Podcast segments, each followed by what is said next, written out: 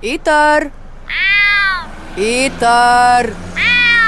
Iter! A mačka iščete? Ne, psa. Pozdravljeni, z vami sem Nika Pušlar in poslušate Radio Eter. Nenavadna zgodba, ki jo bom prebrala v tokratnem branju, zatipa vozle družinskih travm v telesu. Je rahlo groteskna in vidi se, da je avtorica prvotno pesnica. Po spevnosti in uporabi jezika me spominja na obežne delce avtorice Anne Michaels, ki smo jo brali, ko sem pisala maturo, in je bila mnogim težka in nerazumljiva, meni pa je bila s svojimi metaforami balzam za možgane. Je tudi deloma fantazijska. Glavni pripovedovalki, recimo v knjigi Zraste tigrov rep kar sem morala preveriti s poslušanjem intervjujev z avtorico Coming Chang. V takšnih zgodbah namreč nikoli ne vem, ali naj nadnaravne elemente jemljem dobesedno ali le kot opise občuti. Morda jih je tudi zato težje brati. Zdi se mi, da moraš skozi njih le plavati, kot po zraku. Danes torej beremo Bestiary avtorice Coming Chang iz Tajvana. Pa da se vrnem. Kulturna dediščina zgodbe nam je v našem evropskem prostoru najbrž bolj tuja kot denimo druga svetovna vojna, ki jo naslavljajo ubežni delci, ki sem jih omenila že prej. Se izhaja ta knjiga iz mešanice tajvanskega in ameriškega ozadja. Razrahlja nam dostop do kulture in ljudskih pripovedi, ki so blizu Tajvanu in Aziji. Poglavje, s katerim se začne moje branje, izvira iz dejanske ljudske pripovedi o Hugo Po, oziroma Hugo Po, to je a tiger spirit, torej tigrov duh. Pri tem je Hu beseda za tigra, Gu kot teta, dekle oziroma Gu Po kot očetova teta po kitajsko. Sam prevod namiguje na teto tigrico. Zgodba, ki jo bom brala, je vključena v pripovedovalkino doživljanje otroštva, saj je prenesena iz generacije v generacijo. Prav kakor so travme, obnašanje in celo nasilje. Vsebina raziskuje tudi queer in LGBTQ vsebine. Več mater nazaj je živel duh tigra, ki si je želel bivati znotraj ženske. Neke noči, ko je bila luna rjava kot prsna bradavica, se je tigrov duh spletel v vrhu svetlobe in spustil v ženski na usta in po njenem grlu navzdol, ter prevzel ime Hugupo, teta tigrica. Toda cena tega, da imaš telo, je lakota. Hugupo je torej lahko ostal naseljen v ženskinem telesu, dokler je lovila. Ko je zavohala nožne prste otrok, ovenčane s potom, se je njen želodec strdil v hrošča potrebe in prilezel iz njenega grla kot iskalec soli. Hrepenela je po teh prstih in po noči se je priplazila v sobe otrok. Z zobmi je odvila nožne prste spečih hčera in njihove členke v ustih obrala mesa. Te členke je preimenovala v arašide. Vsako jutro se je Hugo Po sprehodila po tržnici in z očmi merila ribe z naoljenimi opalnimi telesi, ki so jih vlekli iz reke. Ribičeva žena je zavohala nekaj, kar je v zrak zarezalo svojim dimom, in obrnila se je k Hugo Po, da jo vpraša, kaj je. Arašide, je odgovorila Hugo Po in z zobmi luščila oreške kosti. Ribičeva žena jo je vprašala, če bi jih morda delila. Hugo Po se je zasmejala. Koliko ste pripravljeni plačati za enega? Ribičeva žena je povedala znesek. Obirajoč kožo novega oreška, je Hugo Po izpostavila, da to ni dovolj, da bi jo preživljalo. Zasmejala se je, njena črna kita se je razvila v pepel in zaznamovala zrak s sajami. Naslednje jutro so se vsi otroci v vasi zbudili z enim prstom manj na vsaki nogi. Na blazini vsakega pa je ležal kovanec za pet centov, zarjavel, da je izgledal kot zasušena krvava packa. Ribičeva žena ni imela otrok. Ko pa je slišala, kaj se je pripetilo, se je spomnila tiste ženske stržnice, kako je luščila rašide z zobmi. Ko je ribičeva žena odprla vrata svoje hiše, je pred vhodom ležala usnjena vrečica. Prerezala jo je z nožičem in ven se je streslo nekaj ducat nožnih prstov, brez kosti in posutih soljo. Moja mama je vedno, ko je pripovedovala to zgodbo, dvignila odejo čez naju in se sklonila pod njo k mojim prstom na nogah. Objela jih je z dlanmi in jih prepeljala k svojim ustom.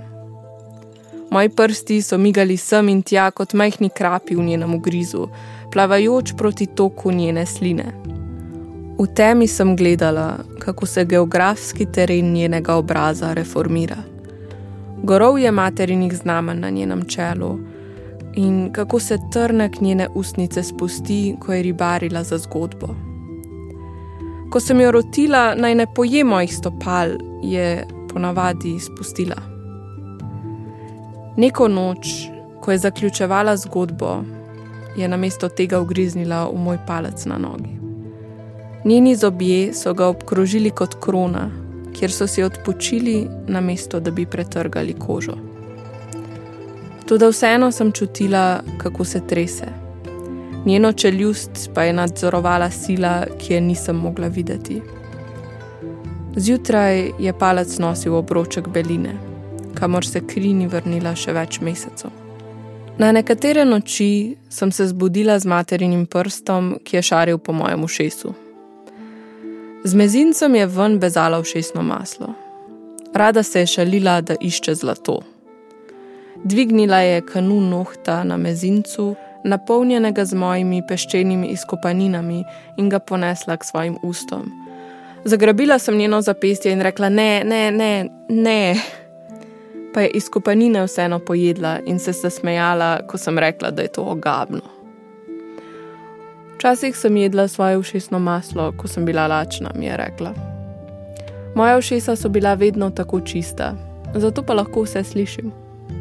Rekla mi je, da bodo všesnemu maslu, če mu bom pustila, da biva znotraj mene, zrasle hrošče nožice in mi bo zlezel v možgane, kjer se bo usidral kot šrapnel, Rekla je, da me z malicanjem mojega všesnega masla rešuje in mi čisti všesne kanale, da lahko skozi nje posije sonce do moje lobanje in ohranja moje spomine svetle.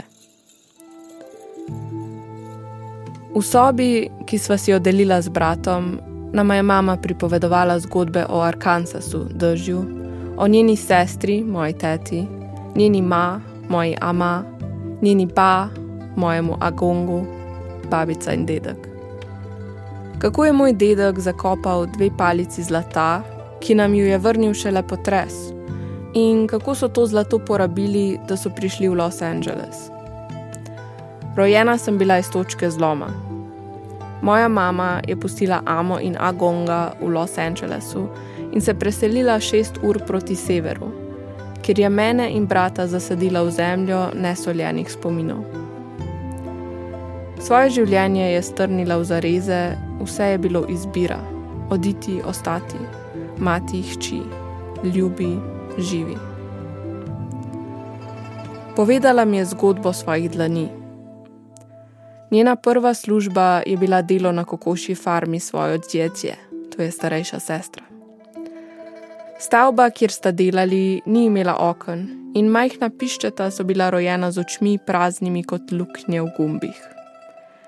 Ni bilo potrebe videti, nobene luči, prek katere bi se učili. Njena služba je bila, da vsak teden pograbi žaganje in ga nanese novo plast. To, da žaganje se ne posede. Prišlo je v njene oči in ušesa in nosnice in zadnico. Srala je krvavo, saj je bila vsebina potresena žaganjem. Žaganje se je usedlo celo na stene njene maternice in to je bil razlog, zakaj jo je tako bolelo, ko me je rodila. Moja mama je govorila, da ni imel prah iti nikamor razen v njeno telo. Ko je grabila tla, se je dvigal kot pepel, kot bi bila budna ob svoji lastni upepelitvi. Brcala je v kokoši, dokler ji sestra ni rekla, da bo to zlomilo vsa jajca v njih in ne bodo nikoli več izlegle nobenega celega. Nekoč je moja mati z nogo izbila eno od desk v steni hleva, da bi prah žaganja lahko našel svojo pot ven. Ena od slepih kokoši je takrat pobegnila skozi špranjo in zbežala proti gozdu, in mama se je potem zlagala in rekla, da je rakun odtrgal desko. Povedala sem ma, da ni bilo važno, koliko kokoši pobegne, je rekla. Jaz sem rekla, da bi lahko zakopali vsa jajca in piščeta bi zrasla nazaj. Pozneje tega poletja sta mama in njena sestra videli pobeglo kokoš, kako se je dvignila nad gost, med letom oprasnila drevesa in odletela prek strehe hleva. Moja mama je rekla, da je imela kokoši vedno na sumu, da se le pretvarjajo, da ne morejo leteti, da so njihova krila spravljena kot orožje. Rekla je, da se je ta kokoš gotovo spentljala z jastrebom in ustvarila svojo lastno vrsto. Videla je te jastrebe kokoši, brskati okoli vznoži dreves, obrobljale so gost za hišo, razmršene in velike kot psi. Videla je, kako je cela jata napadla in opravila skačo, da je ta nemočna obležala na zemlji. Mislila sem, da lahko samo bogovi ustvarjajo nove življenjske vrste, sem rekla. Potem smo morali biti mi bogovi, je rekla ona.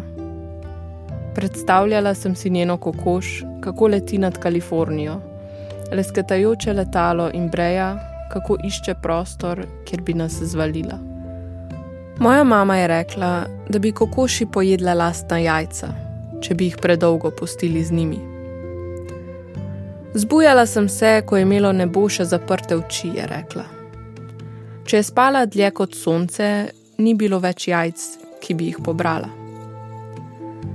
Mama je odprla usta in vodila moje prste tako globoko po njenem žerelu, da sem začutila rezilo peresa v njem in ga izpulila. Kašljala je, ko sem čistila njegovo nožnico iz sline. Vprašala sem jo, kaj je storilo. Vsi glasovi imajo peresa, je rekla. Tako potujejo. Povedala sem ji, da je navadno kokošje pero, ki ne leti. Toda ona je odgovorila, da se je preprosto asimilirati z zrakom. Samo verjeti moraš, da so tvoje kosti votle. Nič možga, nič mame, nič spomina. Moja mama je vse čas nosila bele nogavice s čipkastimi vratovi, in ko sem jo vprašala, zakaj, je rekla, da njena stopala hibernirajo. Ko sem vprašala brata, je rekel, da ima najbrž ribje plavuti na mesto stopal. Da bi videla, sva izrezala luknjo v njene nogavice, ko je spala. Nogavici sva prerezala po podplatu in jih razmaknila, da bi videla kamnite temelje njenih nog. Na njenem levem stopalu so manjkali najmanjši trije prsti. Nobene rane, nobene brazgotine ali znakov šivanja, le štrcli z obroči, kakor pri drevesu. Prostori, kjer so prsti morda odrasli, bili poimenovani. Z bratom sva zbežala nazaj v posteljo in skrila škarje pod vzmetnico. Zjutraj je mama nosila nov par nogavic. Kam so šli? Sva vprašala. Ampak mama nama ni hotela odgovoriti. Vprašala sem jo, če jo je obiskala Hugo Po in rekla je, da ni in da ni vse pravljica. Tedne kasneje sva v omari, kjer je mama hranila neužitne stvari, odeje, baterije, upokojene nože, bejzbolski kis titana, za kovinsko škatlo za piškote, ki je hranila moj rojstni list in njen set za šivanje, našla še eno kovinsko škatlo. Na pokrovu je imela vtisnjeno karikaturo medveda in modra barva na njej se je luščila. V njej so bili strjeni oproči pepela in v sredini rjavi kamenčki. Najprej sva mislila, da so neka vrste bube, tube prevlečene z ljubjem, ki so ropotale, kot bi bilo v njih nekaj, kar se poskuša izvaliti. Tudi na njih so še vedno rasli nohti, karamelizirani v toplem telesu kovinske škatle. Našla sva njene nožne prste. Brneli so, kot bi imeli najni srci, in razmišljala sva, da bi jih morda še lahko prišili nazaj. Ko sva jih pokazala, je rekla: Nočem jih nazaj. Z bratom sva imela pogrebno slovesnost za prste, da sva jih pokopala. Napisala sva celo nagrobni govor. Tu ležijo prsti najne mame. Naj jih zemlja poje in iztrebi kot prelepa drevesa z vonjem po naših nogah. Ko je mati izvedela, kaj sva storila, naj jo je prebičala z mokro nogavico in zahtevala, da ji pokaževa lokacijo. Na to pa naj jo je nadzorovala, ko sva jih nazaj izkopala. Nohti, en teden nepostriženi, so zrasli za 15 cm, emajlirani meči s črvi, nabodenimi na nje na živo telo. Prste je vrnila v škatlo. Njihove nohte je obdelala s pilo in škatlo dobro zalepila, rekoč, da jih bo potrebovala kasneje. Ko sem jo vprašala, zakaj jih bo potrebovala, je rekla, da imajo vse izgube življenjsko dobo.